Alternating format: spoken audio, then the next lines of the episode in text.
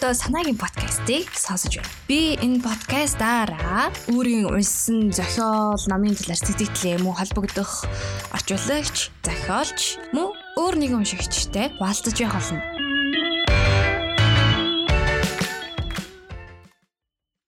За Виржиния Вулфийн өөрийн гэсэн өрөө хэмээхийн ном нь та бүхэн хаанаас олж унших боломжтой вэ гэхлээр Монсодор утга зохиол цувралын 5 дахь цуврал болж 2017 онд хэвлэгдсэн ном байна. Зохиолч Виржиниа Вульфийн бол монгол хэлний анх удаа бас одоохондоо цор ганц удаа орчуулагдсан ном нь байгаа. Тэгэхээр утга зохиол цувралыг уншдаг хүн бол мэдж байгаа андахгүй бах утга зохиол цуврал дондаа эссе бичлэлээрээ бичигдсэн гэдгээрээ бол онцлог ном байна. Энэхүү ном нь бол феминизмын гол хөдөлгөөний чухал лавлагын материал тооцогддгоор одоо алдартай ийм ном. Зохиолын үйл явдал нь бол мэдээж эссе бичлэлээр бичигдсэн гэж түрүү хэлсэн. Виржиниа Вульф одоо би гэдэг хүүрнэлээрээ дамжуулаад а зарим нэг түүхэнд бичигдсэн ярих гэж байгаа одоо хүмүүс нэрийг өөрчилсөн шүү. Миний одоо утга зохиол ба эмгтэй хүн гэдэг агуулгаараа миний судалсан ойлгосон зүйлсийн талаар ингээд хүүрнэд явъя гэд хэлж байгаа. Өөрөн гэсэн өрөө намыг бол 1929 онд гаргасан. А тэрнээс өмнө өөрийнх нь одоо Mr. Dalloway, The Lighthouse, Orlando гэх зэрэг юм гурван алтартай романуудаа бичсэн байсан учраас бол нэлээд алтарсан одоо модернизмын гол төдөөлөгч модернист зохиолуудаа туураад нэлээдгүй одоо түмэн төгссөн байсан учраас түүнийг Кембриж их сургууль ураад хоёр коллежтой утга зохиол ба эмэгтэй хүн гэдэг сэдвийн сэдвэр бидэнд лекц оруулж яриа гэж гэж урьсан юм байна. Тэгээ Виржиниа Вульф тэр урьсан цаг үеэс эхлээд ерөнхийдөө энэ талаар маш илүү чухал судалснаа хүмүүст түгээх хэрэгтэй байна гэдгийг ойлгоод энэ хүү бүтээлээ гаргасан байдаг. Мэдээж одоо ном эмэгтэй хүн ба утга зохиол гэдэг зүйлийг бол хамгийн түрүүнд миний хувьд бол эмзэглээс эхэлсэн болоо гэж харсан. Эмзэглээс эхэлнэ гэдэг нь одоо эмэгтэй хүн яагаад эрх мэдэл гэх юм уу одоо сурч боловсрохын хувьд тухайн нийгэмдээ тийм хоёрдугаарт сүүл тавигдаад байдаг байсан бэ. Нийт одоо уншсан зохиол уран бүтээл өөрийнх нь амьдарч исэн цаг үеэс өмнө Элизабет нэгдүгээр Элизабетийн үеэс эхлээд яагаад эмэгтэй зохиолчдын зохиол бүтээл байдаггүй байсан юм бэ? Эмэгтэй хүний тухай гарангууд зохиолчийг нь харангууд дандаа эрэгтэй хүмүүс байсан. Яагаад эмэгтэй хүн өөр өөрсдийнхээ талаар зохиол бүтээл бичдэггүй байсан юм бэ? Тэр шалтгаан нь юу вэ гэдэг талаар энэ ном дээр топ томруунаар илэрхийлж гаргасан. Виржиния Вульфийн өөрн гэсэн өрөө номын 3 дугаар бүлгийн хэсгээс товчхон. Би түүхчдийн бүтээл барьлах номын тавирлуу очиж хамгийн сүүлийн үеийнхээс нь суулгахад профессор Тревилианы Английн түүх таарлаа. Би дахиад л нөгөө сэдвээ хайж эмэгтэйчүүдийн байр суурь гэсэн хэсгийг олоод хууцуудыг эргүүлв. Эхнэрээ зодох явдлыг эр хүний эрх хэмээн хүлээн зөвшөөрдөг байсан бөгөөд нийгмийн дээд доод хаврын аль нь ч байсан ялгаагүй энэ үйлдэлээс огтхонч ичиж зовдгүй байжээ. Үүний нэгэн адилаар өөрсдийнх нь сонгосон хүнтэй суухаас татгалцсан охиноо эцэг нь гэртээ төгжиж зодож үснээс нь гултчин чирэх нь байнгын үзэгдэл байсан бөгөөд ил явдлыг нийтээрээ тайвнаар хүлээн авдаг байж. Гэрлэлт нь хувь хүний өөрийнх нь сонголт биш Харин гэр бүлийнхэн нэг төрөнгийн сонирхолтой холбоотой асуудал байсан бөгөөд энэ нь ялангуяа эмэгтэйчүүдийг хүндэлдэг дээд давхаргынханд бүрч нийтлэг байж. Энэ бол Чосерийн амьдарч байсан цаг үеийн дараахан буюу 1470-ад он байлаа. Эмэгтэйчүүдийн байр суурийн тухай өгүүлсэн удаах түүхэн бичлэг нь 200 жилийн дараа Стюартийн цаг үеийн хувь. Зөвхөн дээд дунд давхаргын эмэгтэйчүүд л нөхрөө өөртөө сонгох боломжтой байсан бөгөөд тэдгээр сонгогдсон нөхрүүд нь голдуу ноён газрын эзэн байна. Ямар ч хэлээсээ хууль болон уламжлалаар тэдний нийгэмд эзлэх байр суурийг нь тэгж тодорхойлж өгдөг байлаа. Мөн Шекспирийн зохиолд үргэлжлэгддэг эмэгтэйчүүд болон Верни, Хачинсон зэрэг 17 дугаар зууны үеийнхний дуртгалуудад гардаг эмэгтэйчүүд өөрийн гэсэн характер, байр суурьтай байжээ хэмээн профессор Тревилиан дүгнжээ. Энэ мэтэр цааш эргүүлэх аваас Клеопатра бусдыг дагуулах өөрийн гэсэн онцгой чадвартай байсан байна. Макбет хатагтай өөрийн гэсэн хүсэл эрмэлзэлтэй байсан байна. Розалинда ч бас дур болон охин байсан гэж дүгнэж болно. Шекспирийн зохиолд гардаг эмэгтэйчүүд өөрийн гэсэн характер, байр суурьтай гэж дүгнэхдээ профессор Тревилиан үннээс тэмчих зөрөөгүй болов. Заавал түүхч байхын хэрэггүй. хинч байсан эрд дээр цагаас ахуулаад яруу найрагчдын шүлэг найраглалд эмгтээчүүд гэрэл цамхаг адил асаж байсан гэдгийг харж байна. Жүжигийн зохиолуудаас ч гэсэн Клитийн Министра, Антигона, Клеопатра, Макбет хатагтай, Фидре, Крисида, Розалинда, Диздамон, Мальфийн гүнгийн авхай цаашлаад үргэлжилсэн үгийн зохиолуудаас Миламант, Клариса, Беки Шарп, Анна Каренина, Эмма Бавари, Мадам де Жарман гэсэн нэрсээс харахад ч характер байр суурь гэж юу хэлээд байгааг нь ойлгогдно. Хэрв эмгтээчүүд эрчүүдийн бичсэн уран зохиолтол зөвхөн оршдог байсансан бол тэднийг маш чухал олон талтай баатарлаг бөгөөд өөдгүй, эрхэмсэг бөгөөд харчаагүй. Үтгслэн төгс бөгөөд үцээрийн муухай эр хүн шиг агуу магадгүй бүр эрчүүдээс ч илүү гэж төсөөлөгдөх байсан биз. Гэвч энэ бол уран зохиолын л баатрууд. Бодит байдал дээр тэд профессор Тревилианы хэлсэнчлэн гэртээ төгжүүлэн задуулж хан руу савж унтлаа түлхүүлж байсан. Тэд уран зохиолт хамгийн чухал байр суурь эзэлдэг хэрнээ бодит байдал дээр хинч биш. Яруу нарийн номын эхний нүүрнээс арын хавтас хүртэлх орон зайг эмгтээчүүд эзлэх хатлаа түүхийн бүтээлд бараг дурддагчгүй. Уран зохиолтод эзэн байлдан давуулагчдын амь амьдралыг атгах нь бодит байдал дээр тэд эцэг их нь хүчээр богтлон өгсөн л бол хин нэг жаахан хүүгийн ч боол болно. Профессор Тревелианы түүх гэдэгт юуг ойлгохдоо энэ мэдхийн тулд би түн рүү дахин анхаарал хандуулав. Нэгдүгээр бүлэгтээ тэрээр эдлэнгийн шүүх ба задгай бэлчээрийн аж ахуйн арга барил, аглын хэдийнхэн ба хоньны аж ахуй, загалмаатны аян дайн их сургууль нийтийн танхим 100 жилийн 100 жилийн дайн сар 8 дайн сэрэг мандалтын үеийн эрдэмтэд гих мэтэр бичсэн байлаа. Хаяа нэг ганц эмэгтэй нэр дурддагдах нь Элизабет Мэри зэрэг хатан хаадмитийн сүр нөлөө хатагтай нэр байлаа. Харин дундаж давхарган эмэгтэй оюун ухаан зан характерынхаа хүчээр түүхэн тэмдэглэгдсэн аль нэгэн томоохон хөдөлгөөнд оролцох ямар ч боломж байгаагүй юм. Хамгийн гол нь номын тавиурыг дахин гүйлгэн харах зураа би 18 дугаар зуунаас өмнөх үеийн эмэгтэйчүүдийн тухай бичсэн зүйл бараг байхгүй байгаад л харамсан алхилж явлаа. Энэ тухайд үлгэр жишээ болгочих хүн надад үнэхээр олдохгүй байлаа. Би жишээ нь Элизабетийн үед эмэгтэйчүүд яагаад яруу найраг бичдэггүй байсан юм бол хэмээн эргцүүлж байна. Тэд ямар хуу боловсрал эзэмшдэг байсныг мэдчих юм алга. Ингээд тэд бичих хүсэг заалгалдаг байсан болов. Тэдэнд өөрсдийн гэсэн өрөөний болон байсан болов 21 нас хүрэхээс өмнө хүүхэдтэй болж байсан эмэгтэй хэр олон бол товчхондоо өглөөний 8-аас оройн 8 цагийн хоорондод юу хийдэг байсан бол ямар ч лсэн гэсэн тэдэнд өөрийн гих мөг байгаагүй. Профессор Тревелианы бичснээр бол тэд асрагчхийн гараас гарахаасаа ч өмнө 15 6 настайдаа л хүссэн ч вэ өгөөч вэ хүнтэй гэрэлдэг байж. Ийм нөхцөл байдал тэдний хин нэгэн гинтэл Шекспир шиг жүжиг бичнэ гэдэг бол зүүдэн жоромгүй явдал л та. Үүнтэй холбогдуулаад өнгөрсөн ч тэр одоо ч тэр ирээдүйд ч тэр ямар ч юмхтэй Шекспир шиг сууд бүтээл төрөж чадахгүй гэж хамплан байсан нэгэн эрхэм насурхаас өмнө хэлсэн санаанд орлоо. Эмэгтэйчүүд Шекспир шиг жүжиг бичиж чадахгүй. Тавиур дээр бүр Шекспирийн бүтээлүүд нүдэнд өртгөд юутайж хампламтан нэг зүйлийн тухайд үнэн хэлсэн байж мэдхиймаа хэмээн би бодлоо. Шекспирийн амьдарч асан цаг үед ямар ч эмэгтэй түн шиг жүжиг бичиж өгнөхээр чадахгүй байсан юм. Нэгэнт баримт байхгүйгээс хойш төсөөлөд үзье. Шекспир нэгэн авьяаслаг дүү охинтой байжээ гэж бодъё. Түүнийг нь Жудит гэдэг байг. Ихэн сурвалжтан байсан учраас Шекспирийг хилзүүн сургуульд явуулсан биз? А тэндээ тэрээр латин хэл судлаж улмаар Овид, Виргили, Хорос нарын бүтээлүүдэд танилцсан Мөн анхан шатны хилцүүл огох залгаал байлгүй. Тэрээр хэл хөдөлгөөнтэй танхаа хүүхэн байсан бөгөөд хулгайгаар туулаа агендаг байсан. Гэр хайвынхаа нэг эмэгтэйд эрт гэрлэж төдөөдлгүй өөрөөр хэлбэл байх ёстойгоос хамаагүй эрт хүүхэдтэй болсныг баг бүгдээрээ мэднэ.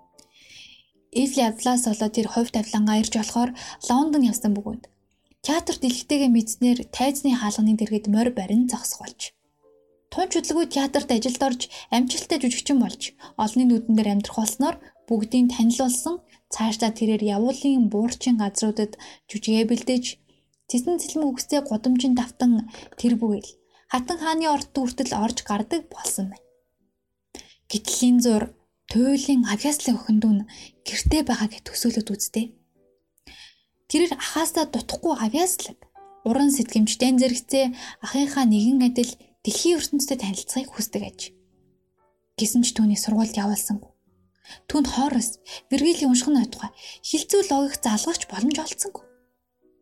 Хаяада тэрний ганц нэг ном бодвол ахынхан л биз хитэн хуудсан шин гэвч эцгийнх нь орж ирээд алив аймсаа нөх шөлөө хутга битгий ном цаас эргүүлээд уймраад бай хэмээн загнана. Тэд хатуу хэлэх боловч охиндоо сайн эцэг бөгөөд өөртөө эмэгтэй хүн ямар байх ёстойг сайн мэддэг болсаа хэмээн бодно.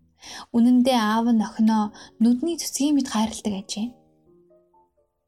Хаяада охин агуулгын өрөөндөө ганц хоёр хууд сараач хавч бицнээ мэддэхгүй тулд сэрэмжлэн нуух юм уу зориуд шатаана.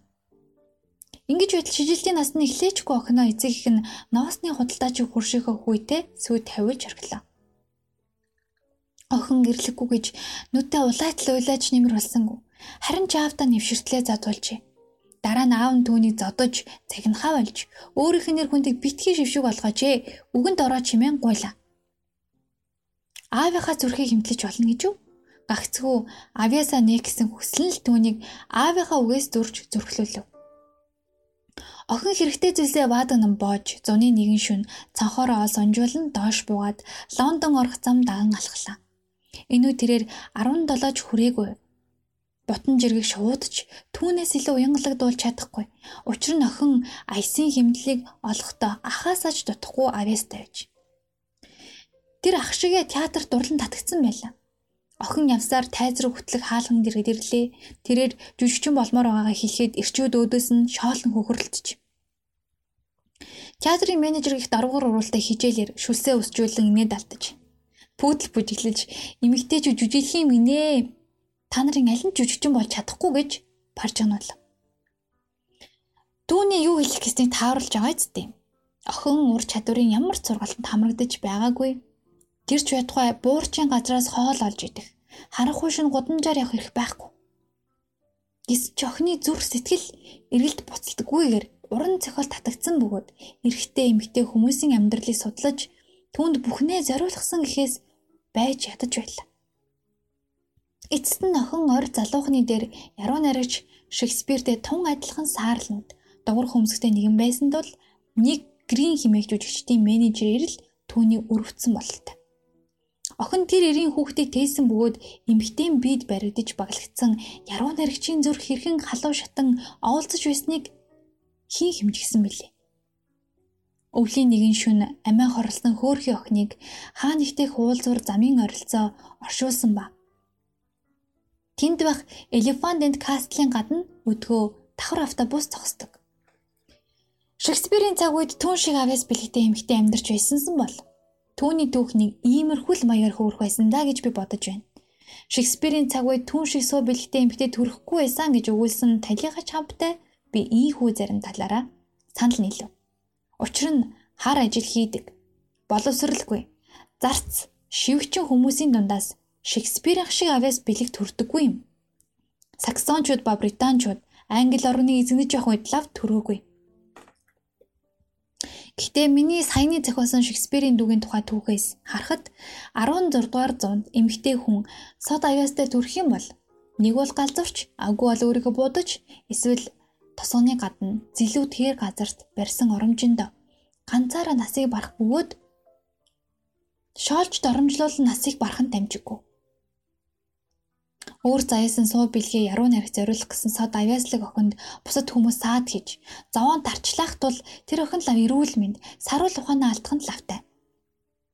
Энэ бол саяны өөрийн гэсэн өрөө номын 3 дугаар бүлгийн хэсгээс байлаа. Тэгэхээр Виржиниа Вулфийн өөрийнх нь уран дүрслээ шилж байгаа нь бол яг тийм дүрслээд нэрэл Шекспир охин дүүтэй байсан болол тухайн нэг юм яаж тийм тэгш бус хандж байгаа тэгээд охины хувь цаа яаж дуусж байгааг бол нүдэн дүрслэлтэл харуулж байгааг бүгдээрээ сонслоо. Бид нар нөгөө өмнө нь утга зохиол гэдэг зүйлийг одоо онгодтой л нэг хийсвэр онгод гэдэг зүйл ямар нэгэн бурхны бүтээл болгож ярьдаг байсан бол яг бодит учир шалтгааны хувьд бол материалын байдал гэдэг тухайн одоо авиасыг хөгжүүлэх бүтээл төрөл гаргахад маш чухал зүйл байсан байна гэдгийг бол саяны бүлгээс ойлгогдож байгаа. За намын эсгээс дүр завсарлаад Виржиниа Вулфийн өөрийнх нь амьдралын талаар цохост ордё. Виржиниа Вулф бол 1882 онд Англид төрсэн, чөлөө сэтгэгчдийн гэр бүл төрсэн. Аав нь бол алдартай түүхч, зохиолч Сир Лисэл Стивен гэдэг хүн байсан. А ээж нь болохоор мөн тутгааргүй бас бичдэг. А дээрээсээ сувлагч өөрийнхөө мэрэгжлийнхаа дагуу ингээд зохиол бүтээл бас бичсэн ийм хүн байсан байдаг. Тухайн үед өөрөө харьцангуй гайгүй эдлэн газартай одоо материалын төвшнийхээ хувьд бол харьцангуй тийм дунджаас дээгүүр скетинг гэр бүл төрсэн.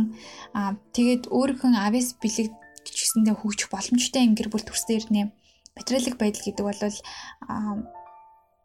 авис бэлэг хөгжихэд маш чухал зүйл юм байна гэдгийг түгээн дэлгэрүүлж исэн. Дээрээс нь түрүүн одоо дурдсанчлал нөгөө гендер гэж байгаа шүү дээ тий. Гендер хүйсийн тэгш бус байдал өөрт нас нөлөөлж ирснийг бол амьдрал нь тохиолдсон зүйл илэрхийлдэг. Тэр нь юу байсан бэ гэхээр өөрийнх нь төрсөн эцэг их нь бол тал талтай хүүхэдтэй нэгсэндээ нэгтлэн салаад нэгтлэн бэлэвсэн хоцроод ингээд хүүхдүүдэд аваад нийлсэн юм гэр бүл байсан. Виржиниа бол болохоор өөрийн төрсөн бол аав ээжээс төрсөн ах トゥ гуруулаа а хойд ах トゥ дөрвөн ийм хүүхдүүдтэй ингээд 8 хүүхэдтэй л өссөн байна л да. А гэвч харамсалтай нь 13 настай ахт нь одоо түүний хойд ах нар түүнийг бэлгийн хүчрэлд оруулж исэн ийм гашуун турсамжтай. А яг энэ үеэр нь түүний ээж өвчнөр нас орч Виржиниа Вулфийн амьдралын туршид одоо салаагүй bipolar disorder буюу сэтгцийн тийм донцлогоотой хам шинжүүдийг одоо илэрч эхэлсэн байдаг. Сэтгэл зүйн өвчнөр л өвчилж эхэлсэн bipolar disorder гэдэг Монголд бол яг юу гэж орчуулагдгийг сайн мэдэхгүй байна. Ерөнхийдөө бол одоо сэтгэл зүйн маш тийм дээш доош хэлбэлцсэн байдалд ордог ундаг ийм амьдрал туулсан байдаг. 19 дугаар зуун тухайн үед ч гэсэндээ бол Virginia Woolf-ийн нийгэмд ч гэсэндээ илүү тийм эрэгтэй хүмүүстэй гэх юм уу эрэгтэй хүмүүсийнхаа боловсролд илүү анхаардаг. Эмэгтэй бол зөвхөн ихнэр одоо байдал буюу гэртэл сайн эзэгтэй байхад зориулдаг, сайн ээж байхад бэлтгэдэг ийм байж баг ингээ боловсрал мэдлэггүй шахвал байсан юм байл та. Яг бас ихэдэн айлд бол шалуур а дунджаас доогуур түвшинд бол байдал үнээр хэцүү байсан гэдгийг бол түүний саяны 3 дугаар бүлгийн жишээнээс л харж байна. Тэгээд өөрийнх нь үдэж тулсны хувьд хойд ахын дураараа тэгж хандж байгаа нь өөрт нь хурж одоо тий хамаагүй хурж хүчрхийлж зүршээлж байгаа нь магадгүй бас шудраг бус санагдсан байж магадгүй. Энэ цагаас эхлээд бол Виржиниаг бол одоо суралцж хөгжих маш тийм эрэмгийн хүсэл төрсөн. А тэгээд Лондонд бол Эзэн хааны нэрмжт эмгтээчүүдийн коллежид суралцаж герман, грек, латин хэл сурч одоо өөрийнхөө тэр хар бараан дурсамжийг даван тулах гэж хичээж исэн. За ингэж явсараад 1904 онд эцэг нас орсон байдаг. Эцгийн нас орсноос хойш өөрийнхөө төрсөн дүүнрээ аваад Лондон руу сувшиж тэндээ Bloomsbury Group гэдэгтэй одоо алдартай зохиолч, зураач, эдийн засагч нар ингэ цугларсан тийм гоё найз нөхөрлийн Bloomsbury гэдэг групп байгуулсан байдаг. За тэр дундаа бол тэр дотроос бол бас мөн зохиолч бүтээлч өөрх нь ирээдүйн нөхөр болох Леонард Вульфтэй танилцаад 1912 онд гэрлээд хамтдаа Hogwarts Press гэдэг хэвлэлийн газар байгуулсан байна. Ингээ хамтдаа Hogwarts Press гэдэг хэвлэлийн газрыг байгуулад одоо өөрийнхөө зохиол бүтээлүүдийг хэвлэлдэх болсон. А дээрээс нь бол одоо Sigmund Freud психоаналитикч Sigmund Freud болон Catherine Mansfield зохиолч Eliot нарын бүтээлүүдийг бас хэвлэдэг байсан байдаг. Түүний одоо модернизмын гол төлөөлөгчдийн нэг болгосон түүний бүтээлүүд бол дэлхийн 1-р дайны дараагаас ирчээ авч бичигдэж эхэлсэн. Дэлхийн 1-р дайнаас хойш улс орон нийгэм болон үнээр хэцүүдсэн. Тэгээ дээрэс нь хүмүүсийн нэр дотоод зөрчил, сэтгэл зүйн асуудал гэдэг зүйлийг бол маш их илэрч гарч исэн. Аа нийгэмдээ нэг хөвсөн уншдаг байсан гэх юм уу романтизм дэврэгсэн хит одоо төсөөлөлтөд ургуулсан номуудын эсрэг Виржиниа Вульф бол өөрийнхөө модернизмыг агуулсан модернизмын гол тунхаг болсон номнууд болох Mr. Stalloway, Хатагтай Dalloway, the Lighthouse буюу гэрэл цамхаг тийш, Orlando гэх зэрэг бүтээлүүдээ гаргаж ирсэн байдаг. Ерөнхийдөө бол одоо дэлхийн 1-р дайны дараах хүний сэтгэл зүйд яаж нөлөөлж байгаа нь тэр нь хүний сэтгэл зүй хэрхэн гимтээгээд одоо амиа орлоход хүрэж байгаа талаар болвол мистер Сталовый романаараа илэрхийлж гаргасан бол хүүхэд насны бага насны тэр сэтгэл хөдлөл бидэрсэн зүйл томроод нөгөөний гэр бүлийн асуудал насан туршид харилцаанд хэрхэн нөлөөж байгааг the Lighthouse романаараа мөн одоо хүйсийн шилжилт гэж хэлж болох одоо эрэгтэй хүн боловч эмэгтэй хүний бид ороод яаж мэдэрч байгаа талаар Орландо хэмээх 30 хэргэм насны эрэгтэй одоо ичидийн байдлаар хүйс нь биеийн солигдсон. А тэгтээ доторх эрэгтэй зан чанарын хിവэрэ байгаа талаар өгүүлэх Орландо хэмээх номондоо гаргасан байдаг. Ийм сонин, ийм шин бараг бидний одоо ч гэсэн Монголд орчуулагдаад уншвал шинд байхаар номнуудыг 1925 онд бол гаргаж бичсэн. Өөрийн гэсэн өрөө ном эсэ болол 1929 онд гаргасан байдаг.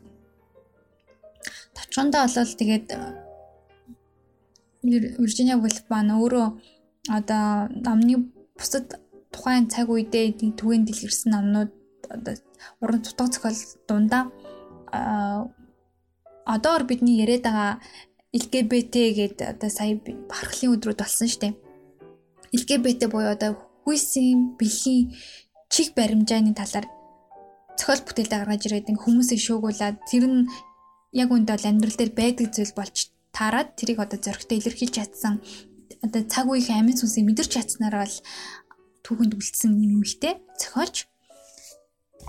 Мэдээж тухайд бас эсрэгцэл байсан байлгүй л яхаа гэхдээ түүний голдуу одоо эмгтэй хүн талаас нь мэдэрсэн зөрөгтэй дуурч чадсанаар бол английн утга уран зохиол бахархаад баршгүй байдгийн гэдгийг бол одоо түүхнээс илэрхий харж байна. За тэгээд Амьдралынх нь хувьд бол дэлхийн 1-р дайн гараад өөрөх нь бүтээлүүд гарч исэн ч гэсэндээ хувьдаа Virginia Woolf амьдралдаа нэгт багасаа гэр одоо бэлгийн хүчрхийлд өртөж исэн. Хоёр өөрөх нь эцэг их насварсан, хайртай дотны хүмүүс насварсан учраас маш тийм сэтгэл зүйн хувьд их тогтургүй бас их тийм ким үздэг.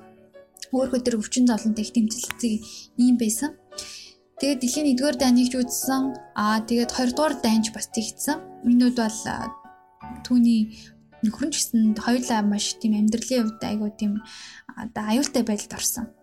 Тэр хоёрын байгуулсан Hogwarts Press нь бөмбөгтөлтийн хувьд дэлбэрсэн. Тэгээд хос хоёр ерөнхийдөө амьдралынхаа хувьд хамтдаа амиа орлыг чийдсэн байсан гэж үздэг. А харамсалтай нь бол Virginia Woolf өөрийнхөө тэр сэтгэл зүйн асуудлыг твсэн твчиж чадахгүй улмаас хаслаасаа хүнд чулуугаар дүргээд голдж ивэд насварсан.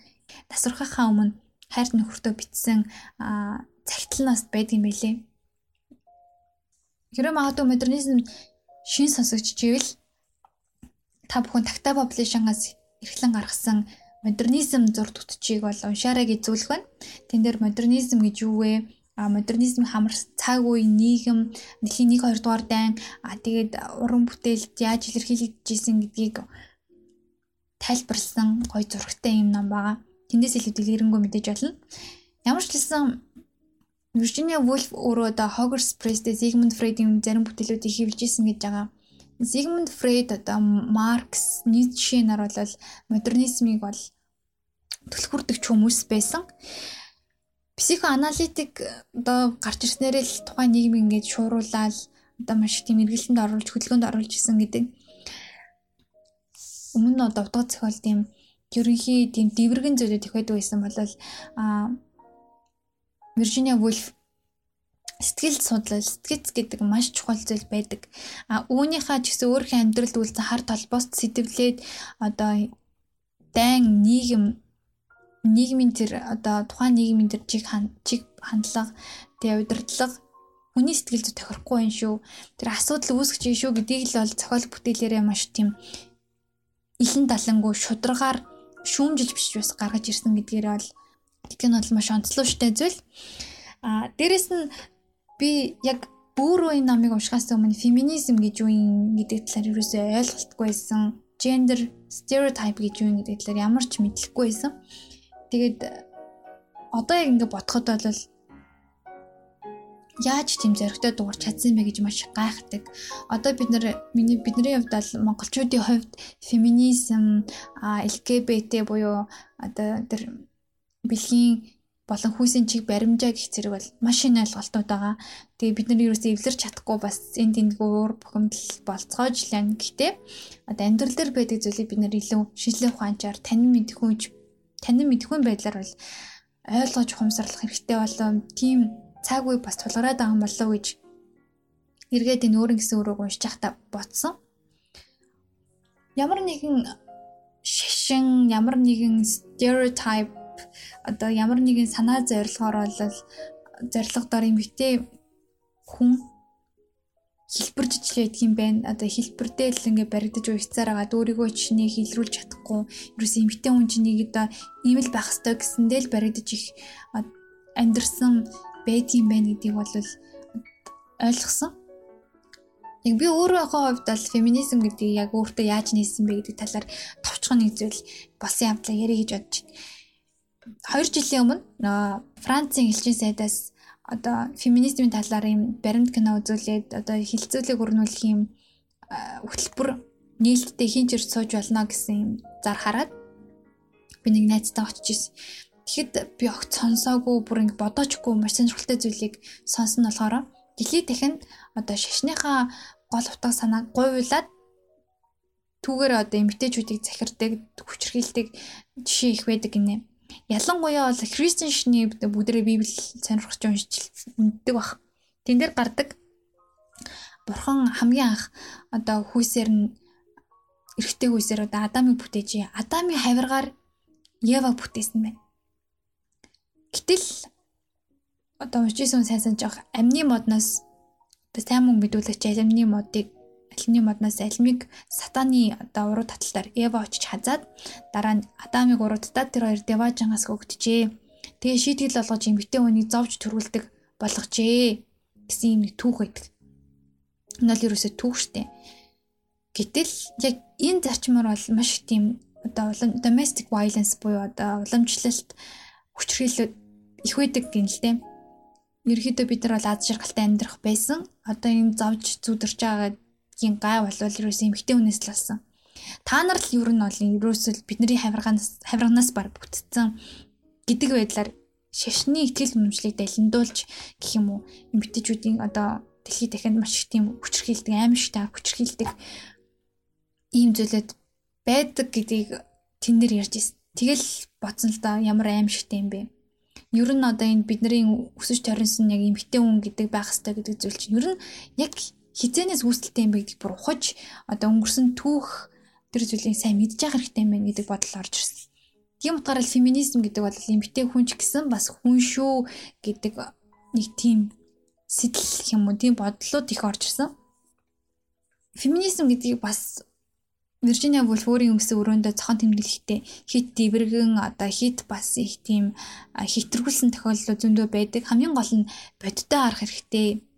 Эмэгтэй хүн одоо уран зохиол бүтээлд тэгж их манлайлж чадаагүй шалтгаан бол 80-90% бол ахуйн болон амжиргааны түвшнээс маш хамаарж исэн хүн одоо зохиол уран бүтээл төрөхөд одоо хоёрын бодол ухаанснаа маш амар амгалан тайван ямар нэгэн тийм аюул зөрчилтөндөө байх ёсгүй 50 байдлаас ургаж гарах хэрэгтэй.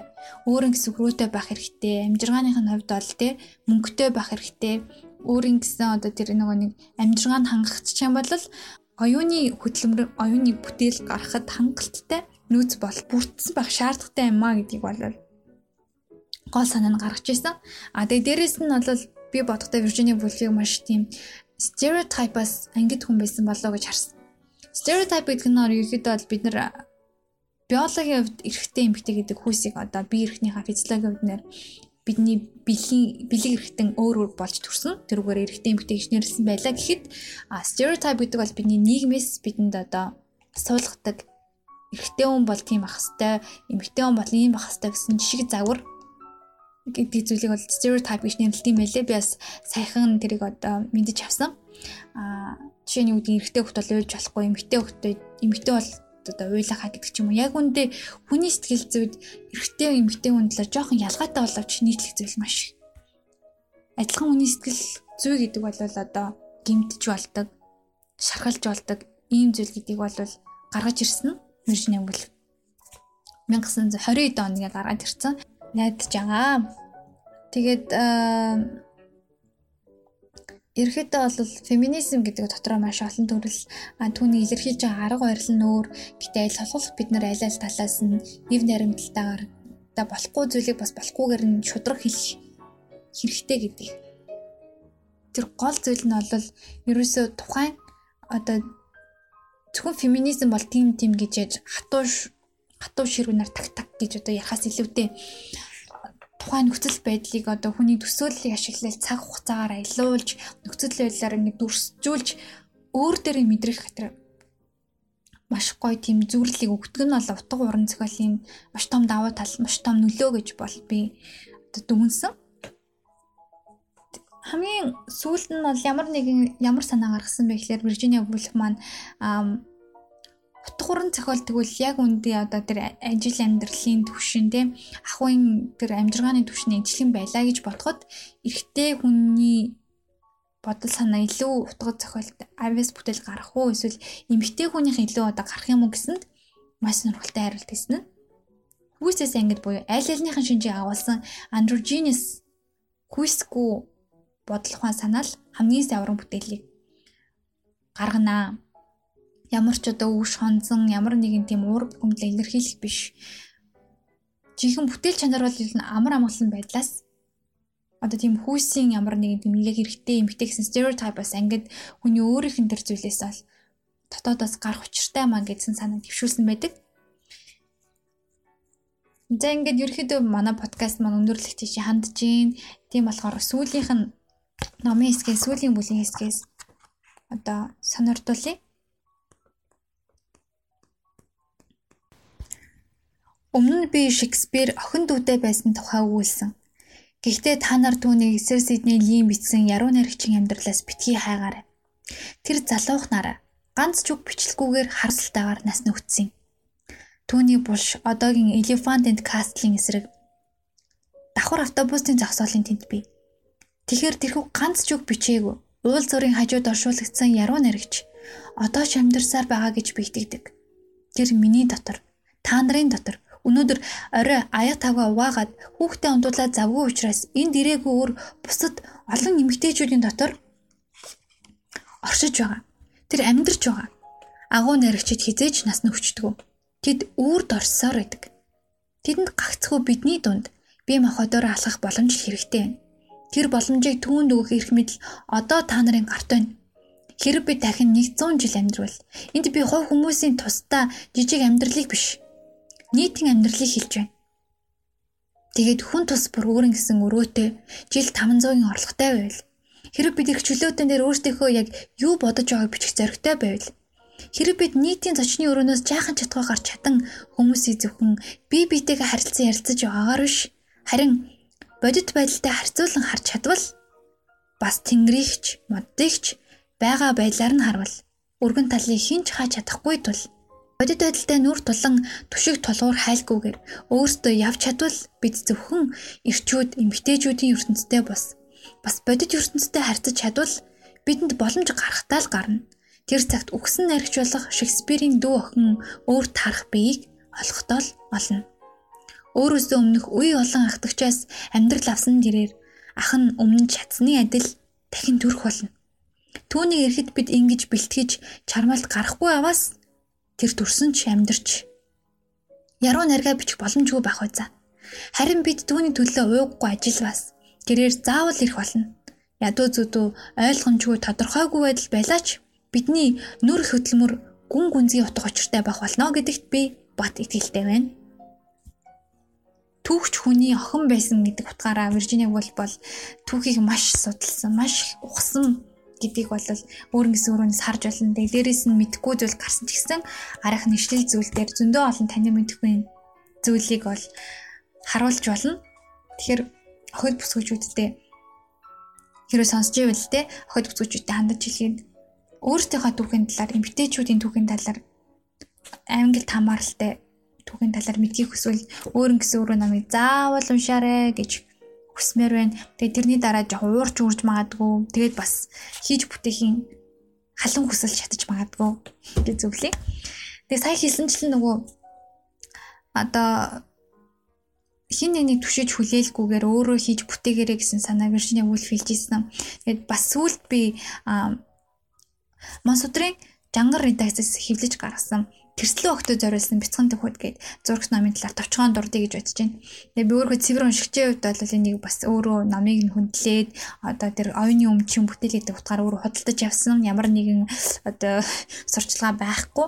Гэтэ хамгийн гол нь октоодтай заавал авч уншуулаарай. Бас хүүхд хүүд нартай ч гэсэн маш уншуулаарай гэж хүсэж байгаа. Тэгээд саяын яг уншиж байгаа байр би өөр нэгэн өрөө намыг уншаад утга зохиолын цаана ямар нэгэн санаа явдгийм байна. А зохиолч нь тэй холбоотой юм байна. Зохиолч нь амьдрал нь их холбоотой юм байна. Тухайн зохиолчийн амьдарч байгаа ороны уртраг үүрэг цаг үе нийгмийн одоо тэр улс төрийн байгууллал хүртэл маш чухал юм байна гэдэг артлын одоо тэр зүйлийг бол нууцлагдмал тэр зүйлийг бас одоо мэдэрч судалж авах хэрэгтэй гэдэг талаар бол илүү тийм ойлголт авсан. Ерөөдөө бас нөгөө нэг феминизм гэл хүйсийн эрхтгш бас байдлын цаана зөвхөн бид нар чи бидээрээ тулахаас гадна үндслэлтэй мэдхүйц шаардлагатай маш олон түүх нуугдж идэм байна гэдгийг бол ойлгосон байгаасай гэж бодож энэ сайн подкастнаас ч гэсэндээ одоо өөрийн гэсэн өрөө намын талаар ч гэсэндээ за ингээд өнөөдрийн подкаст маань өндөрлөж байна. Тэгээд анхааралтай сонссон, уйдахгүй сонссон, гүйц сонссон та нартай баярлалаа. Ингээд дараагийн ном хүртлээ түр түр баяртай.